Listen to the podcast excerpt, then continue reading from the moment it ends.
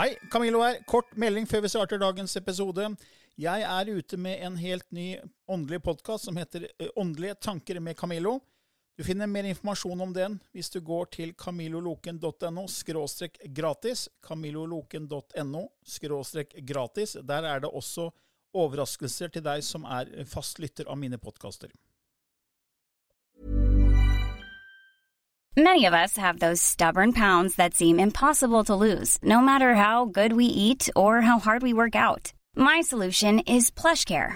PlushCare is a leading telehealth provider with doctors who are there for you day and night to partner with you in your weight loss journey. They can prescribe FDA-approved weight loss medications like Wagovi and Zepbound for those who qualify. Plus, they accept most insurance plans. To get started, visit plushcare.com slash weight loss. That's plushcare.com slash weight loss.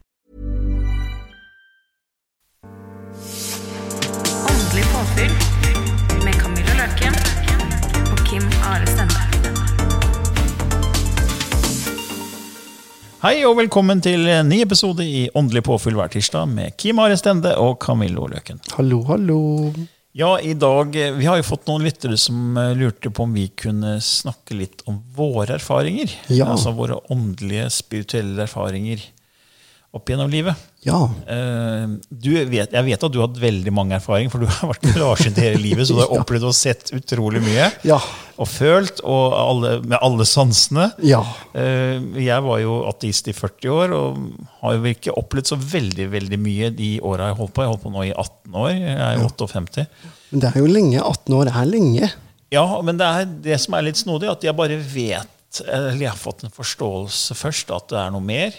Og så har jeg bare fått en sånn klarviten om at ja, men sånn er det bare. Jeg Ja. bare vet at vi fortsetter. Så jeg kan ikke bevise alt, men jeg bare vet at vi er en del av noe større. Ja. Men jeg har ikke hatt disse bekreftelsene gjennom egne erfaringer. Veldig få, i hvert fall. Ja. Eh, kanskje tre som jeg tenkte å dele. da. Ja. Men du kan jo begynne, du, hvis du har lyst. Eh, Fortelle noe om, om dine erfaringer. Og jeg, jeg vet nesten ikke hvor jeg skal begynne, vet du. Eh, Jeg har jo holdt på med dette her ja, siden før jeg kunne gå, omtrent. Eh, Og jeg, jeg har vært så heldig. Jeg synes jeg har vært veldig, veldig heldig.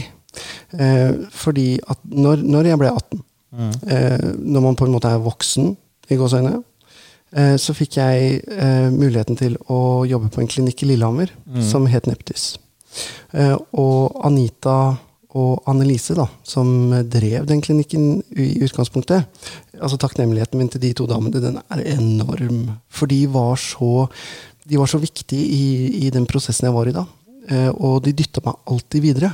Det var de som sendte meg av gårde på eh, eh, Biomedikusakademiet, så jeg fikk bli spaterapeut. Eh, de sendte meg på kurs i akupunktur. Og de sendte meg, på, de sendte meg til Ramsbergsgården, der hvor jeg fikk møte Colin Fry første gangen. Eh, og, de, nei, de sendte meg overalt. Eh, så, så bare sånn, hvis de hører på, så har jeg lyst til å si takk, da. Så koselig. Um, og jeg husker første gang jeg fikk lov til å reise til Sverige og oppleve Colin Fry og, og Jane Lysell. Eh, og den opplevelsen var så bekreftende for meg. Hvor gammel var du da? eh, hvor gammel var jeg i 2007? 2007, ja. Ok. 2007, 2008. Er rundt 20, da. Um, og um, første gang jeg fikk, fikk se på en måte For det var mitt ordentlig første, Nei, litt. Det var mitt første ordentlige møte med, eh, med mediumskap i den form som jeg alltid hadde gjort. Fordi at i Norge har vi ikke hatt, hatt det på den måten egentlig før spiritualistkirken kom. Eh, så når jeg fikk se det, så var det så avgjørende, for jeg følte meg så hjemme. Eh, og jeg fikk en utvikling som på en måte ga meg Det ga meg så mye. Men Var det Colin du så, altså, eller var det ja, begge to? Begge to. Ja. Eh, og når eh, Colin eh, og Jane kunne være med å gi meg de bekreftelsene, for man trenger jo de bekreftelsene også, ikke? Selv, selv jeg trenger også de bevisene. Eh, så, så, og når jeg sjøl fikk prøve, eh, og det var så, for meg var det lett, eh, og det ble så avgjørende for hvor jeg skulle gå videre, og hvordan jeg skulle gå videre fremover, eh, og utvikle meg som medium. Eh, Så det, min erfaring med det var at eh, for meg så ble det så avgjørende. Det forandra absolutt hele livet mitt. For når jeg dro dit, så sto jeg i en veldig sterk brytningsfase. Og jeg bestemte meg egentlig for at jeg skulle gjøre noe litt mer vanlig. Og jeg hadde søkt for å ta opp en fag som jeg mangla, eller som jeg ikke hadde gode nok karakterer i. Shame, shame on me. Eh, og når jeg kom dit, så forandra det hele det bildet. Altså Det var så tilrettelagt, og det var så jeg følte nesten det var planlagt. Men du skjønte at nå skal jeg jobbe med det her? Ja, eh, At jeg var så på rett sted til rett tid. da. Mm. Eh, men det jeg skal si først, egentlig som led, førte meg dit, var det at jeg var på spaskolen her i Oslo. Eh, og jeg, eh, jeg var egentlig Jeg var ikke på et godt sted inni meg. Eh, og jeg sa til guidene mine, eh, fordi det har jeg alltid trodd på, at nå trenger jeg faktisk veiledning. Mm. Jeg trenger litt hjelp, fordi at jeg veit ikke hvor jeg skal gå. Fordi det mangler noe. Det er noe som mangler. Det, det er tomt. Mm. Eh, og så jeg, jeg, sa jeg til dem at jeg skulle ønske at bare kom en fremmed person bort til meg og bare fortalte meg hva jeg skulle gjøre og ikke gjøre. Og om det så skal være, så kunne jeg betalt både 200 og 500 og 1000 kroner for det. altså. Liksom, det var bare en indre samtale egentlig jeg hadde med meg sjøl. Mm. Um, og jeg var på spaskolen oppe på Bislett. Uh, og jeg skulle ta toget tilbake til Lillehammer. På vei ned til togstasjonen så stopper en mann meg. Uh, og så sier han du, jeg er helligmann, kan jeg få lov til å se hånda di? Jeg hadde aldri sett ham før. jeg visste ikke hvem han var. Hellig mann, Ja, At han var en hellig mann. var det han sa? Ja. ok. Et vilt fremmed menneske? Et vilt fremmed menneske. eh, og så, så jeg tenkte jeg ja, ja, da får du se hånda mi, da. Og så begynte han å fortelle nesten alt som hadde skjedd i livet mitt opp til jeg traff han. Eh, og så fortalte han meg hvor, at det kom en mulighet til å, å reise. Ikke langt, men du, at jeg skulle reise. Eh, og han sa at jeg tror ikke de blir noe lenger enn nabolandet. Men du vet, vi har jo flere naboland. så Det var, men det var jo Sverige, da. Eh, og, og så Han sa jo mye mer, selvfølgelig. Eh, og at den, den reisen kom til å bli avgjørende. Og Da har du også bedt i forkant Ja. om å bare, bare ønske noen komme opp til meg, og så Ja. kommer det. Ja, Du ber, og du får svar. ja. Og så avsluttet han med å si at hvis du vil, så kan du gjerne gi meg 200, 500 eller 1000 kroner. Helt utrolig. Eh, og jeg hadde jo da brukt opp alle pengene mine på spaskolen. ikke sant? Fordi at eh, med, holdt på å si de som jeg studerte sammen med, vi hadde vært litt ute på byen den, den kvelden, så jeg hadde ikke så mye penger. Men han fikk en hundrelapp da. Ja. Det var ganske utrolig, da. Og så havna du da i Sverige, da. Så havna jeg i Sverige. Og møtte Colin Fry og Ja, bare noen måneder etterpå. Mm. Så det, så det syns jeg var så morsomt. Så da når du fikk se Colin Fry på scenen, og han demonstrerte fysisk mediumskap, var det da med ektoplasma, eller var det med noe annet? Altså, Det var ikke fysisk. nei. Det var rett og slett eh, demonstrere mediumskapet sitt. Det var Jane uh, som jeg så først. Ok. Uh, og så var, kom Colin etterpå. Og da var det som jeg om før, en liste med ting de Ja. skal på en måte si, som skal bekrefte at Ja. de har kontakt med en, en avdød. da. Ja? Og det fikk du bekreftelse på. det var akkurat det jeg gjorde. Eh, og som jeg sier, det ble så avgjørende.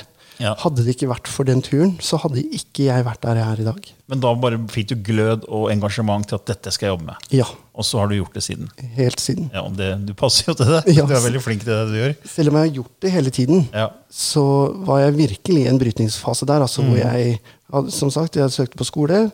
Eh, jeg er jo egentlig utdanna helsesekretær. Mm. Så du hadde tenkt å gå sånn A4-veien? Ja, Ja. Og bare gjøre om på alt. Mm. Eh, ja, for det er sikkert. ikke sant? Ja. Det, er sånn, det, det, er, det er det som ligger så grunnleggende i oss mennesker, det å sikre oss. ja, Trygghet er veldig veldig viktig. ja, Eh, Det er også sånn som jeg også ble fortalt, at jeg måtte sikre meg. ja. Og så Det tok jo mange år før jeg kom inn i denne verden. her. Du ble jo født inn i denne verden her med, med klarsynte evner. Og, og en mor som, som forsto det, og Ja. Margit Sandemo som na nabo. ikke sant? Så Ja. du har jo vært i det miljøet hele livet. ja. Eh, Jeg var jo, jeg vokste opp i en eh, ateistisk legefamilie. Mm, Faren min var lege, morfaren min var lege, og onkelen min var lege. ja. Og sånn veldig akademisk familie. Eh, og så å si hele slekta er jo ateister Mm. eh, den dag i dag. Det er vel bare søsteren min og jeg som har brutt ut, så vidt jeg vet. Og da snakker jeg ikke bare nærmeste familie, men hele slekta. liksom. Oi, oi, ja. Eh, ja, ja, det er vel kanskje noen få til. Eh, tror sønnene til søsteren min også har brutt ut. Men uansett da, så blir vi formet av det miljøet vi vokser opp i. Ja. Og jeg fikk jo tidlig høre at livet er bare tilfeldig. At det, er, det er bare flaks at det er liv på denne planeten her. Ja. Og vi har bare det ene livet her. Og det skremte meg veldig, fordi når jeg dør, så er jeg borte for evig og alltid. da. Ja. Jeg vil liksom ikke tenke på det. Veldig skremmende. Og så tenkte jeg, ok, så fikk jeg høre at for å ha et bra liv, så må du være flink på skolen, gjøre så godt du kan, få gode karakterer, og bruke det til å få en videreutdannelse, enten akademisk eller en yrkesretta. Ja. Og så må du bruke det igjen til å skaffe deg en eh, jobb i en sikker bransje som du kan tjene greit, og har til livets opphold. Ja. Og så skal du bli der og stå på og håpe at du, du blir lagt merke til, at du kan klatre litt og få litt bedre betingelser, og så jobber du år ut og år inn. Dag etter dag, måned etter måned, uke etter uke. og sånt, ikke sant? Helt til du blir pensjonist. Og da er du egentlig kommet i mål. Du er ferdig og kan gjøre hva du vil. Ja. Og det var den oppskriften jeg fikk, og den fulgte jeg, og den fulgte søsknene mine. Jeg har jo fire søsken. Og den vet jeg mange følger den dag i dag. For det er trygt. Vi skal sikre oss. Det er veldig viktig å ha, ikke sant? Vi må jo ha, ha sikker inntekt Ja. for å ha tak over hodet og betale regninger. Ja, ja. Så jeg forstår veldig godt det der, men det var ingen som egentlig spurte hva jeg egentlig ville med livet mitt. Det bare handla om å sikre seg. Ja. Eh, Og jeg, jeg fikk en sånn flørt med det spirituelle faktisk i, i tenåra. Jeg vet ikke hvor det kom fra, men jeg ble veldig interessert i ufoer og eh, nær døden-opplevelser og telekinese. Mm. Eh, Så jeg begynte å lese litt bøker om det. og Det var en kort fase hvor jeg var, sånn, var noen år fra jeg var 14 til sånn 16. Var veldig interessert i de tinga der. Mm. Og så fant jeg faktisk en linje i Skottland, en parapsykologilinje. Og så tenkte jeg det har, det hadde vært tøft også å studere. Ja. Men så nevnte jeg det for foreldrene mine, og jeg har to eldre søsken nå, som bare rista på hodet. Du må ikke finne på det. Du kan ikke leve av det. Jeg er sånn tullelinje, liksom. Eh, og da tenkte jeg ok, da, da må jeg sikre meg, da. Og så hva, skal jeg gjøre da? Nei, hva var fremtiden? Jo, det var data. Ja. Og så hadde broren min fått en avtale med det som den gang het Tele Televerket, som i dag er Telenor, Ja. eh, hvor de sponsa hans utdannelse i, i Edinburgh i Skottland. Wow. Og mot at han da måtte jobbe for de etterpå x antall år. Ja. Og tenkte jeg at ja, det er jo fremtiden data, kanskje jeg skal søke om det. Og ja, så fikk jeg også en sånn deal, men da skal jeg studere University of Toronto. Ja. Og så gjorde jeg, begynte jeg på det da, etter et år, så skjønte jeg at det her er ikke det jeg har lyst til å drive med. Men så begynte jeg å studere i England innenfor eh, hotell and catering. Ja. Fordi jeg elska det å være på hotell og reise. Og tenkte jeg, da kan jeg reise verden rundt og samtidig jobbe i en kjede som bare hopper ut som en kenguru oppover hele verden. ikke sant? Og da var det jo veldig mange fag jeg skulle gjennom. Det var alt fra det å drive et hotell. ikke sant? Det er alt fra matlaging til resepsjon og administrasjon og økonomi og alt. Så det var, og jeg gjorde det veldig bra. Jeg gjorde sånn som jeg hadde fortalt. og gjør det bra på skolen. Jeg fikk eh, bestekarakter. Jeg ble ikke som beste, beste student eh, som noensinne har tatt den linja fra, fra Norge. Det var mange nordmenn som tok den linja. Så jeg gikk med toppkarakterer. Fikk jeg jobb i London en kort periode. Ja. Det her var jo før EØS-avtalen trådte i land. Det her var jo 1990, så det var jo ikke noe arbeidstillatelse å få da. Så jeg måtte søke, eller de søkte for meg, da, men de fikk avslag Oi. Eh, tre ganger. Så jeg, jeg jobba jo der egentlig litt ulovlig tre måneder. Fikk penger under bordet. Er du kriminell, Camillo? Og så jeg måtte dra hjem til Norge igjen da, etter tre måneder, og var veldig skuffa for det. Men for å gjøre en lang historie kort, så, så endte jeg opp til slutt i legemiddelbransjen. Da, Ja. I en av verdens største legemiddelselskap. Og det var litt sånn, det var litt sånn hjemmebane. For det var, eh, jeg var jo vokst opp i legefamilie. Jeg kjente terminologien, det med medisiner og bivirkninger. og Jeg kunne en del ting da, som jeg hadde hørt hjemme. Så, så da jobba jeg der og gjorde det bra der, og fikk bedre betingelser. og sånn. Jeg var veldig bare opptatt av karriere og gjøre det bra. Og, men så pendla jeg, da. Fra, fra, for det her var jo et selskap som hadde kontor i 150 land. Oi. Og ett av dem var i Norge, og det var i Drammen. Og jeg bor i Fredrikstad, så det er 90 minutter hver vei. Så jeg er tre timer i bil bare for å være på jobb. Ja. Eh, Men jeg gjorde det, for det var sikker inntekt, god inntekt, og, og åra gikk. Ja. Og så tenkte jeg ok, det er liksom det jeg skal drive med. da, liksom. Men jeg ble jo mer og mer lei den pendlinga. Og det var ikke noe givende heller. Det var ikke noe at jeg våkna klokka halv syv eller kvart på seks om morgenen. var det vel jeg våkna, Og så liksom Yes, nå skal jeg på jobb! Det var Ja. ikke den følelsen der. Nei. Det var, sånn, ja, det var litt sånn plikt at nei, men jeg må jo tjene penger til livets opphold. Det er, sånn, ja. det er maratonløp, liksom. Ja. Men så døde to kollegaer av meg. Først én i en bisarr ulykke, og så kom, døde en annen kollega et par år senere eh, av en sykdom. Og begge var i midten av 30-åra. Positive, herlige mennesker. Ja. Eh, småbarnsforeldre. Og, og så satt jeg i begravelsen, Og så hørte jeg som foreldrene til den ene sa det er jo ikke meninga barna skal dø før sine foreldre. Og så begynte han å gråte. Ja. Pappaen til han som døde. Og jeg gråt, og alle gråt. Det var forferdelig trist. Og så begynte jeg for første gang å liksom stille spørsmålstegn ved den artistiske holdningen. Så tenkte jeg, Er nå denne personen borte for evig og alltid? Det er jo sløsing. Var jo bare i midten av 30-åra, etterlater seg altså, Jeg kan ikke være så uheldig, liksom. Og de barna skal vokse opp uten pappaen sin. Altså, det er så urettferdig. Så jeg begynte å tenke sånn. da. At det, kan ikke være så brutalt. At det er, altså, hele svære universet, og så er det bare lille planeten jorda der liv på, og så skal vi leve her bare noen, noen få år, og så er det til og med noen som dør i en alder av 35. liksom. Så jeg begynte å stille spørsmålstegn. Og så begynte jeg å bli nysgjerrig på, på at det er noe mer. Ja.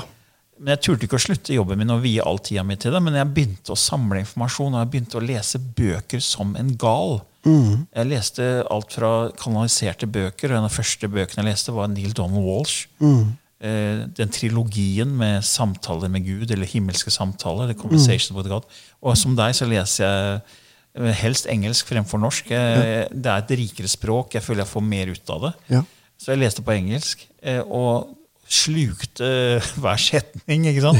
Og jeg har jo lest den boka nå kanskje 15-20 ganger siden en gang. Jeg lærer noe nytt hver gang. Eh, Og, og andre kanaliserte bøker fra Jane Roberts. eh, Jeg begynte å følge forskjellige folk som kanaliseres, som Esther Hicks, eh, Bashar, som, som er kanaliseres av Daryl Anka, eh, Tobias Mange, ikke sant? Og jeg fulgte ikke med på det spirituelle Norge. Jeg var bare på utlandet. Jeg leste engelske bøker. Og jeg begynte å se på dokumentarer. Jeg kom med en fantastisk dokumentar i 2004 som het What the Bleep Do We Know? Ja. Og den så jeg vel i 2006, tror jeg. Og da hadde jeg den på DVD, og jeg satt bare og stoppa, og så skrev ned det som de sa. Og så var det navn som dukka opp på forskjellige professorer, og jeg skrev ned navnet, og jeg googla de etterpå. eller søkte de opp etterpå. Og så fant jeg at de hadde også bøker, de hadde kurs, de hadde videoer. Og jeg bare gravde meg lenger og lenger Ja, inn. ja. Og jeg ble helt fascinert av å finne ut hvem er vi hvor kommer vi fra, hva gjør vi på denne planeten, og hva skjer når vi dør. Og det som skjedde da, eh, som gjorde at jeg fikk en form for åndelig bekreftelse på at dette her skal du drive med, det, det var ikke som deg at du jeg så, var noe medium, eller det var ikke noen, noen andre liksom, som ga meg den bekreftelsen. Det var det som skjedde med meg eh, en kveld jeg la meg. Jeg hadde liksom bestemt meg i hodet mitt at dette her må jeg jobbe med. Ja. Jeg må vie tida mi til det her. Og så kom det en enorm energi gjennom kronesjakra. Og blåste gjennom kroppen min. Og du vet når du får sånne frysninger. Ja. ikke sant? Gang det med liksom 1000. Det var helt sjukt. Det var sånn, Jeg bare lå der og ble helt, jeg ble bare sånn wow. Jeg var sånn kjempetakknemlig. Jeg bare takka. Tusen takk, sa jeg inni meg. Jeg bare lå der, og det, det er sånn Jeg vet ikke, jeg kan ikke forklare det. Du vet sikkert hva jeg mener. da. Jeg skjønner hva du mener. Og så skjedde det samme dagen etter, kvelden etter, når jeg la meg da òg. Så jeg fikk det to netter på, eller kvelder på rad. Og det, jeg, det må ha vært en form for aktivering eller et eller annet. Et eller annet som gjorde at jeg bare ble helt obsessed Ja. med å følge den retningen. da. Ja. Og det var sånn jeg kom inn i den verden her, og, og da ble det så sterkt etter hvert at jeg sa opp jobben min og begynte full tid bare med en veldig enkel idé. Jeg lager en nettside på engelsk, og jeg deler informasjon med folk, og så stoler jeg på universet, og så legger det seg sikkert til rette. Ja, ja, ikke sant? Da har du tillit. Ja, da tillit. Jeg hadde så tillit til Da universet. tillit. Ja. Og tre måneder etterpå så ser jeg Lilly Bendriss på TV. Mm. Og jeg tenkte, jeg visste ikke hvem hun var, jeg hadde aldri sett dama før. For jeg fulgte ikke med på, på det norske spirituelle samfunnet. Nei, nei. Og så bare fikk jeg en veldig sterk følelse av at det er noe med hun der. Kanskje hun kan fortelle meg hvorfor jeg er så interessert i det her. Ja. Når ingen andre i slekta er det. Ja. Hva er, som- hva er greia, liksom? Ja. Og så ringte jeg, så fikk jeg time fredag den 13. Ja. november 2009. Og så kom jeg til henne, og så forteller jeg historien min, og så sier jeg jeg må ta en kanalisering på deg. Så nevner jeg også at jeg har skrevet en e-bok om 2012-fenomenet. For jeg, jeg begynte jo i 2005, i 2006 rundt der. ikke sant? Og da var det jo også snakk om om mayakalenderen, og Ja. verden skulle gå under. og var ikke måte på. Det husker jeg. Og jeg ble veldig fascinert av det, så jeg skrev eh, Jeg gjorde masse research og skrev en e-bok på engelsk eh, om 2012-fenomenet. Og det ikke jeg visste, var at eh, Lilly hadde fått beskjed om å jobbe med det her tre uker i forkant. Ja. Så når jeg nevnte at jeg har skrevet en sånn e-bok, så ble hun litt rar. Jeg tenkte, ok, hvorfor, hvorfor det, liksom? Hvorfor blir du rar? Men, men, eh, men så gjorde hun kanaliseringa først. da. Eh, og så tok jeg det på mobilen min, og så kom det et sånn For meg så var det helt speisa greier. Ja. Det var sånn Star Traveler, you have come this time because you know it's now or never. Og det var masse greier, da. Og, og jeg tenkte what the fuck? Hva er det som skjer? Og så tenkte jeg hva er jeg, har jeg betalt penger for å sitte og høre på greiene her? For jeg er jo helt ko-ko. Men sånn, når jeg hører på det nå, da, Ja. så gir gir det veldig mye mening. Ja, ikke sant? Men eh, der og da så tenkte jeg hva svart er der, da. Men jeg prøvde igjen å ha tillit. da. Og så var det ferdig med det, og så begynte vi å snakke litt om eh, det som hadde kommet. da, For Lilly er jo ikke helt i transe. Nei. Men så kom vi inn på det med 2012. da. Og da forteller hun at hun, hun har fått beskjed da, tre uker før i Sedona. Ja. Hun er på en seanse med en indianer som heter David Singenbeer. Og får beskjed av sin hjelper at hun skal jobbe med 2012-fenomen og fortelle liksom folk at dette, det er på tide å våkne. Det er en slags symbolsk vekkerklokke. Ja. Og, og sånn, og så, så sier jeg men jeg kan jo ikke noe om det greiene der. Da får du sende meg noen, da. Og tre uker så etterpå står jeg på kontoret og sier at jeg har skrevet en e-bok om det. Ja. Og da hadde hun bare fått beskjed av hjelperne sine at der er han som skal hjelpe deg, og det er han som du skal jobbe med. Og sånn, og så, så ble det starten da, på, Ja. på vårt samarbeid. da. Ja. Og da hadde jeg også veldig mye informasjon om, om eh, hvem vi er og hvor vi kommer fra. Så sa jeg hvorfor ikke skrive en bok, og så kan du bidra med dine kanaliseringer. Og så setter jeg alt sammen. Ja. Så jeg brukte jo sykt mye tid på den boka, og da ble, det blir jo bevissthetsskifte. den første ja, men så spennende. Så det var, det var min vei inn i denne verden her. Ja, det er, det er noen sånne mm, eh, opplevelser som bare redefinerer eh, tilværelsen. Eh, og, det, og, og jeg setter så pris på de når de kommer. Selv om det ikke alltid kan være lett, da. Eh, så det jo eh, Så setter jeg så pris på de når de kommer. Fordi at det hjelper deg på en måte ut av komfortsonen din. Eh, og setter deg på en måte inn i en, en tilstand hvor du må begynne å reflektere. Men følte du at når du bestemte deg for mediumskap, at det var litt tøft også på, fordi menneskene rundt deg syntes det var rart? Og oh, ja. at det liksom, du ble stempla, Ja, ja, latterliggjort ja, litt og sånn? Ja, ja, ja. Det, det har jeg jo alltid blitt. Eh, og, og jeg var i en avisartikkel eh, det er mange mange år siden i, i Lillehammer. Eh, hvor vi, jeg og eh, et annet medium skulle kjøre en storseanse. Eller en plattformsdemonstrasjon. Det er samme greia, bare to forskjellige navn.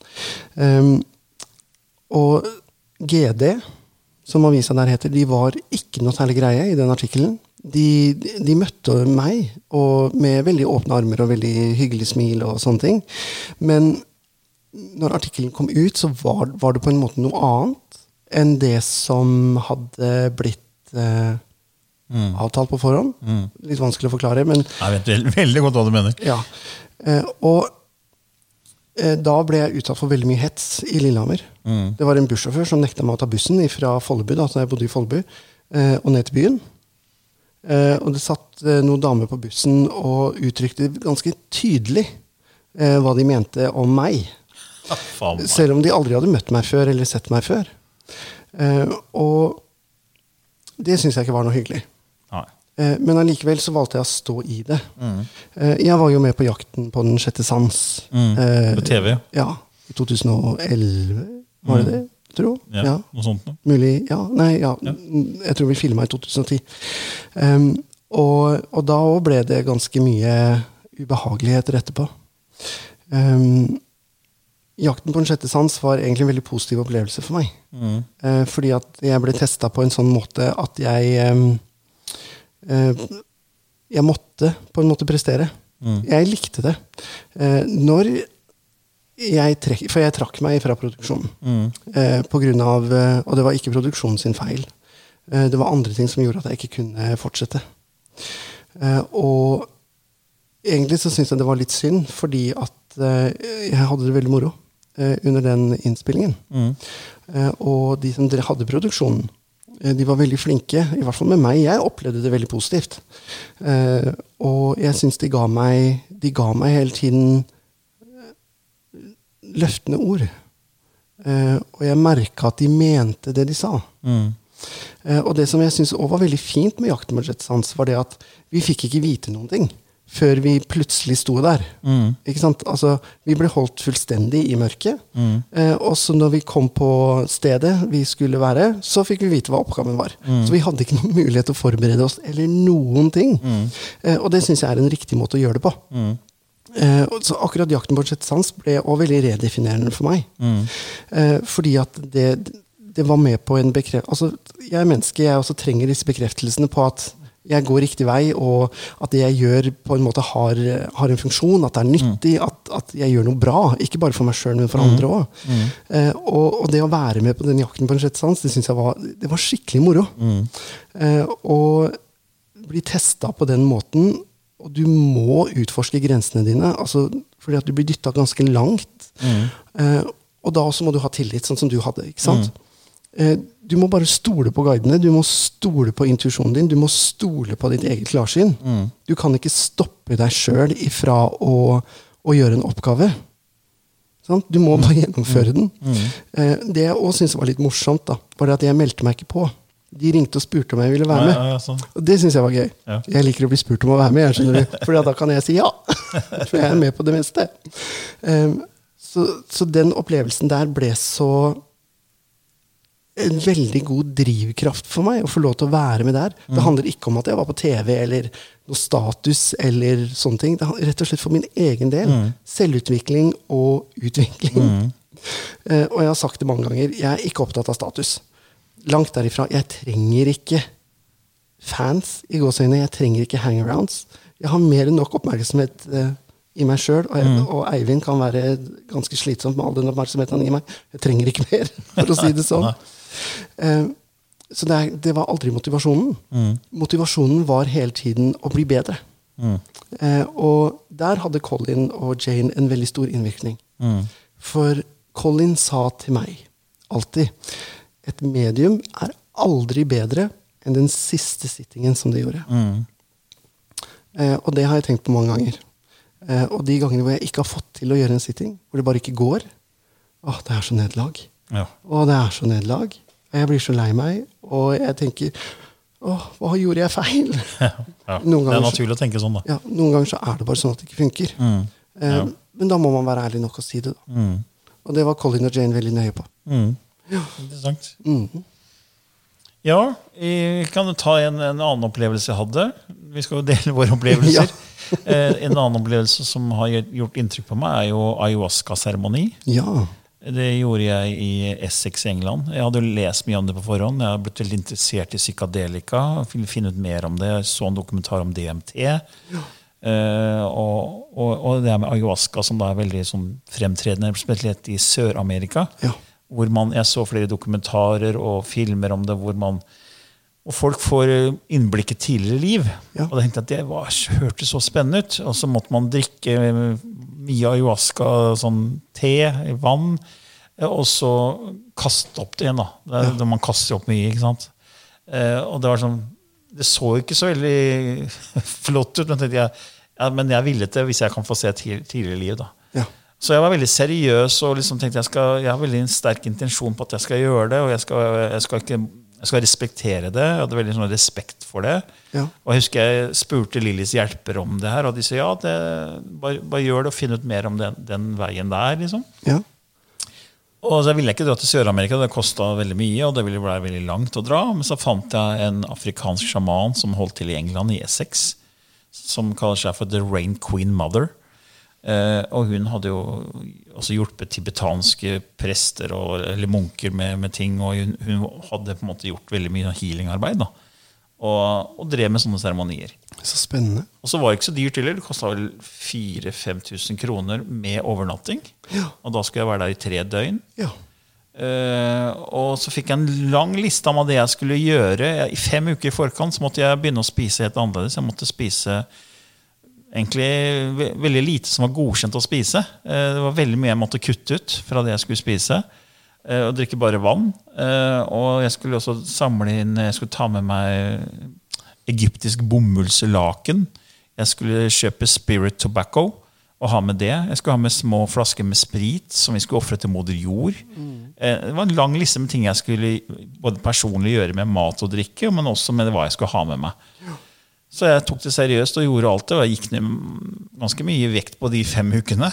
Og så kom jeg dit bort, og så var det jo ingen som møtte meg på togstasjonen. ingenting. Jeg ringte telefonnummer, jeg hørte ingenting. Og så tenkte jeg, Er det her scam, liksom? Hva er det for noe? Faen, jeg hører jo ingenting. Eh, Men jeg hadde jo ikke betalt noe på forhånd, så, så det var liksom ikke, det var bare liksom at jeg hadde brukt penger på reisa. da. Ja. Men så fant jeg til slutt det var jo noen der som kunne fortelle meg hvordan jeg kunne ringe til taxi rundt der. da, Og så fikk jeg ringt en taxi, og så eh, kom jeg til den adressa som jeg hadde fått oppgitt. Der var det låst, det var jo ingen der. Så spurte jeg butikken ved siden av, for det var en sånn butikk ved siden av der. Eh, Ja, de de, de dro, de kommer snart tilbake. Eh, og så bare vent, så kommer de. Så kom de etter hvert, da. Og da kom det en lita eh, mørk dame da, fra Afrika som så, så, var så søt og hyggelig. Og så ut som en 14-åring! og så en venninne som er liksom hennes koordinator. Og så låste seg inn i leiligheten der, og der var det bare en stor stue. Og der var det en sånn eh, shrine, en sånn alter, Ja. hvor det var blomster og ting og tang og gaver. og veldig mye penger. Jeg, etterpå telte jeg de pengene. Bare sånn, sånn grovt da, bare så mye som lå der. Det var liksom snakk om 500 pund, altså 5000 kroner. Og jeg bodde i den leiligheten i tre dager, og det var ingen andre der. Jeg kunne jo bare tatt pengene og dratt hjem og liksom jeg sa hallo, liksom. Men de, de hadde tillit da til klientene sine og sånn. Jeg gjorde selvfølgelig ikke noe, jeg bare lot det være og hadde respekt for det shrinet. Eh, og så fikk jeg et eget rom i den leiligheten var, som jeg kunne sove og sånn. Og så skulle jeg gjøre forskjellige ting. Vi hadde samtaler hver dag, og liksom hun fortalte litt om det som hadde skjedd gjennom historien, og eh, at det var mye feilinformasjon. Ja. Vi har blitt feilinformert på mye ting. Eh, historien er ikke sånn som vi tror. Eh, det var mye, veldig spennende og interessant. Og så dro vi ut eh, En annen dag så dro vi til skogen og ofra til moder jord. Eh, tok med spritflaskene og kasta det ut mens hun takka moder jord og, og sang litt. og Det var, det var egne ritualer. da. Ja. Um, også med Spirit Tobacco. Jeg skulle kaste ut to to tobakk. da, en sånn egen Som heter Spirit Tobacco, som er spirituell tobakk. Ja. Et eget merke faktisk, som heter Spirit Tobacco. Som er en re, mye renere tobakk visstnok ja. enn en vanlig du kjøper. Og Ofra det til moder jord og greier. Og så kom dag tre, som skulle være selve seremonien. da. Og da fikk jeg høre at eh, den seremonien vi skal gjøre da i kveld, det som skal være ved midnatt, det, det er egentlig en seremoni som jobber med ego. Ja. For Det er to typer ayahuasca-seremonier. Den ene så får du se tidligere liv, men det hjelper ikke så veldig mye i det livet her. Men den som går på ego, Ja. den, den fjerner en del av egoet ditt. Det er tre lag av ego, sa hun. Ja. Den tar bort et, det første laget. Ja. Og det kommer til å hjelpe deg videre. Og tenkte jeg, Er det det jeg skal drive med? Ja. jeg ville jo se et tidligere liv. Men så, jeg, så tenkte jeg også at jeg har vokst opp i en stor familie med fire søsken, og jeg er i midten, så jeg, jeg visste at jeg hadde et sterkt ego. Ja. For når du er i midten, to eldre og to yngre søsken, så må du, må du på en måte passe litt på Ja. for å få oppmerksomhet. Og du, du, du utvikler et sterkt ego. Så jeg visste at jeg hadde et sterkt ego. Og tenkte, «Ah, skal jeg jobbe med egoet mitt? Hvordan skal det gå? Ja, ja, jeg, nå er jeg her. Jeg bare gjør det. Og så fikk jeg beskjed om at ok, sånn en time før så skulle jeg dusje. Og så skulle jeg ikke tørke meg med håndkle, jeg skulle bare tørke meg av lufta. Lufta Ja. skulle tørke meg. Og så skulle jeg surre meg inn i egyptisk bomull. Sånn bomullslaken som jeg skulle ha rundt meg. Og så skulle jeg bare sette og vente på henne. Og så kom hun ved midnatt, og da hadde hun malt ansiktet sitt. så Nesten sånn krigsmaling. Altså, sånn der, eh, og så satte vi oss ned på to krakker midt i rommet, og så var det en madrass i hver ende av rommet som hun hadde med, som hun la. og så så, så, så fikk jeg en liten sånn kopp med ren ayahuasca. For jeg trodde jeg skulle drikke flere liter, liksom. Men, Ja. men det, er, det er konsentrert ayahuasca, og så er det liksom vanna ut ayahuasca. Så jeg fikk sånn konsentrert. da. Ja. Og så drakk jeg det. Og så sa han nå kan du legge det på madrassen, så legger hun seg da i andre enden av rommet. Så, så sier jeg fra når, når, når det begynner å virke. sa hun. Ja. Så lå jeg der og tenkte ja, ja, jeg merka jo ingenting, jeg. Ja, så lå jeg der, og så, ja, og så gikk det jo kanskje en halvtime. da. Så sa jeg nå begynner det å virke, nå kan du, kan, vi, kan du komme tilbake. Så satte jeg meg på krakken foran henne, og så endra ansiktet hennes seg. Altså, Jeg kjente ikke igjen eh, dama. For Hun ser ut som en liten 14-åring som var søt og nydelig, og så hadde hun da krigsmaling. da, Men allikevel. Bestemoren hennes kom gjennom. Ja. Og det var helt, altså det var, Jeg så det så tydelig, og stemmen var forvrengt. Og det var, og så plutselig sier denne skikkelsen, eller denne bestemoren sier, 'Camilla Locken!' Med sånn stemme, da. Å, så skummelt. What are you doing here? Jeg fikk og det er helt mørkt i rommet. Det var et, et stearinlys. Og hun dama med krigsmalinga som snakker sånn til meg, og sitter i, i langt borti Essex, langt ute på landet i England, og har tatt denne greia. Jeg, jeg holder på med det, jeg. Ah! Og så jeg og, så tenkte jeg, jeg ville jo liksom vite litt mer om skapelsen og, og egentlig tidligere livet. hvor liksom, er alt eh, sant, liksom? Eh, I, I want to know the truth. Ja. Do you want the old truth or the new truth? Ja. Og så tenkte jeg, skal gammel eller ny sannhet? Det er sikkert fint å si gammel sannhet, for det er liksom gammel visdom. og sånn, sikkert bra å si det, tenkte jeg. og så sa jeg the old truth. Very good. Og så kom det masse greier og fortalte masse greier. Og sånn. Og så bare plutselig så begynte det å virke, da, og jeg bare ramla bakover. For det var en veldig sånn lav krakk. Så jeg bare ramlet, Det var ikke så veldig høyt, så jeg slo meg ikke, men jeg bare ramla bakover. Så lå jeg der på gulvet. Og så begynte en slåsskamp mellom henne og det hun kalte klegger. Ja. Eh, kanskje det var klebånder, sikkert. Ja. For hun sa det var, det var entities, eh, ener som hang på meg i auraen min. Eh, som, fordi jeg hadde jo begynt å jobbe med, med liksom å løfte menneskers bevissthet. Og, mm. Så jeg var jo på en måte en lysarbeider. Ja. Og så jeg, visste jeg jo ingenting om beskyttelse. ingenting sånn. Nei, nei, nei. Så hun sa at hun måtte rense den. Så hun slåss med disse kall det klebånd eller kleggene. da. Det var som et bisseslagsmål. Og jeg bare lå der og jeg tenkte, er jeg med i en skrekkfilm? eller? Hva er greia? For det var sånn Sånn var det.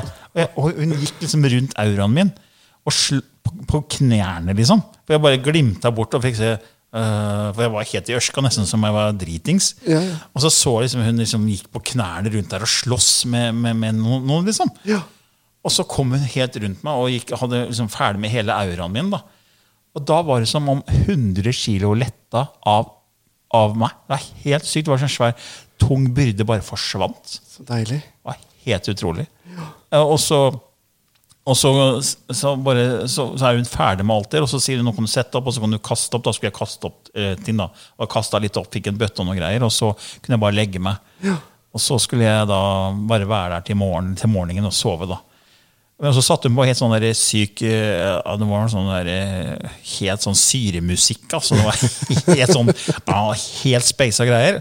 Og så spilte den musikken, og så la hun seg i andre enden av rommet, og så bare lå jeg der og hørte på det. Og jeg var så redd, for jeg, jeg følte jeg var helt alene i verden. Ja. Eh, og jeg har aldri vært så redd i mitt liv, egentlig. Og det var sikkert fordi hun jobba med det egoet Ja, ja, ja. eh, og skulle fjerne en del av det egoet. Jeg var så redd, og hun hadde sagt på forhånd ikke eh, tenk på kona di eller på familien. Ikke prøv å klamre til det.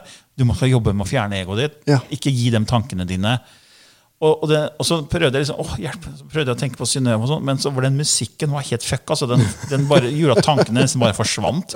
Så jeg bare lå der og skalv og var redd, liksom. Og så sovna jeg til slutt. da. Og når jeg våkna dagen etter, så var jeg sånn Åh, nå var jeg sånn, åh, Synnøve og nå, eh, liksom, blom, Kjærligheten blomstra på nytt, og jeg skulle gifte meg på nytt med Synnøve. Det var ikke måte på. Var sånn, jeg var nyfrelst nesten. Det helt vilt. Og så jeg husker jeg kom hjem, og så møtte jeg sønnen min og sa til pappa, du, har- du har endra deg. Han, han sa ikke ordet milde, da, men han, det var noe i den sjangeren. da, At jeg, jeg hadde på en måte blitt en mildere person. Ja.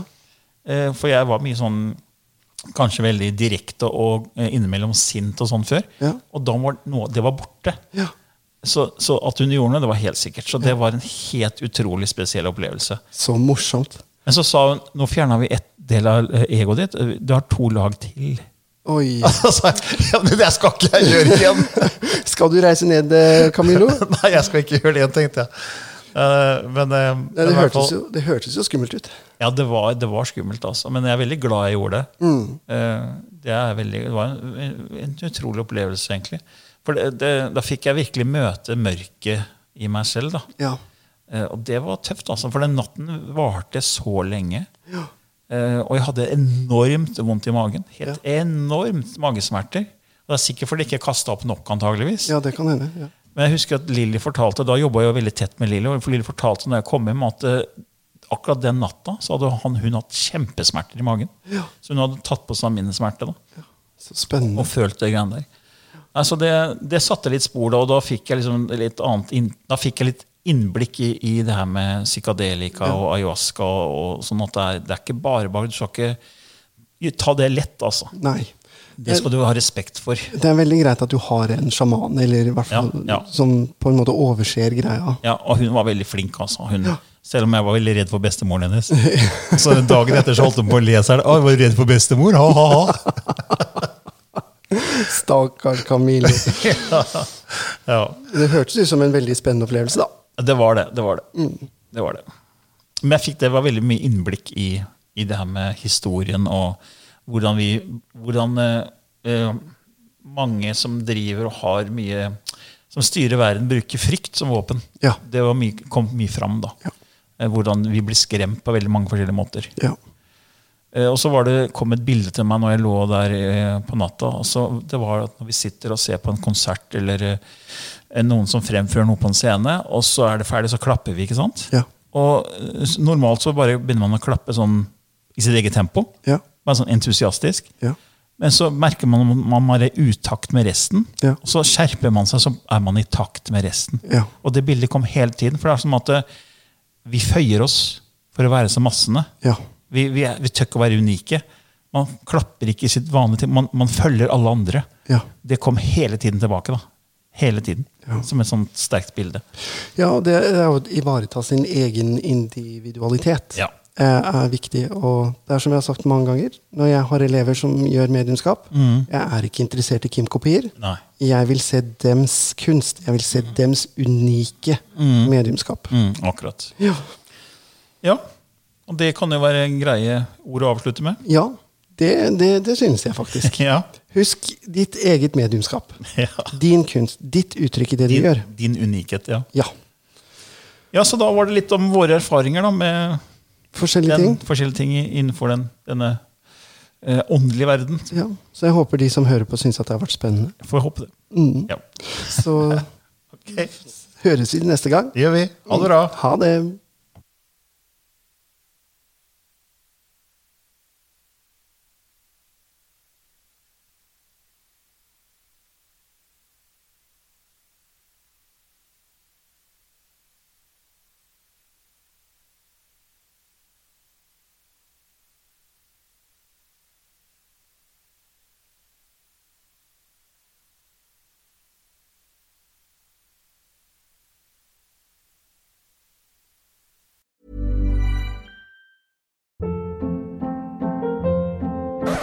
Up. What was that? Boring. No flavor. That was as bad as those leftovers you ate all week. Kiki Palmer here, and it's time to say hello to something fresh and guilt-free. Hello Fresh. Jazz up dinner with pecan-crusted chicken or garlic butter shrimp scampi. Now that's music to my mouth. Hello Fresh. Let's get this dinner party started. Discover all the delicious possibilities at hellofresh.com.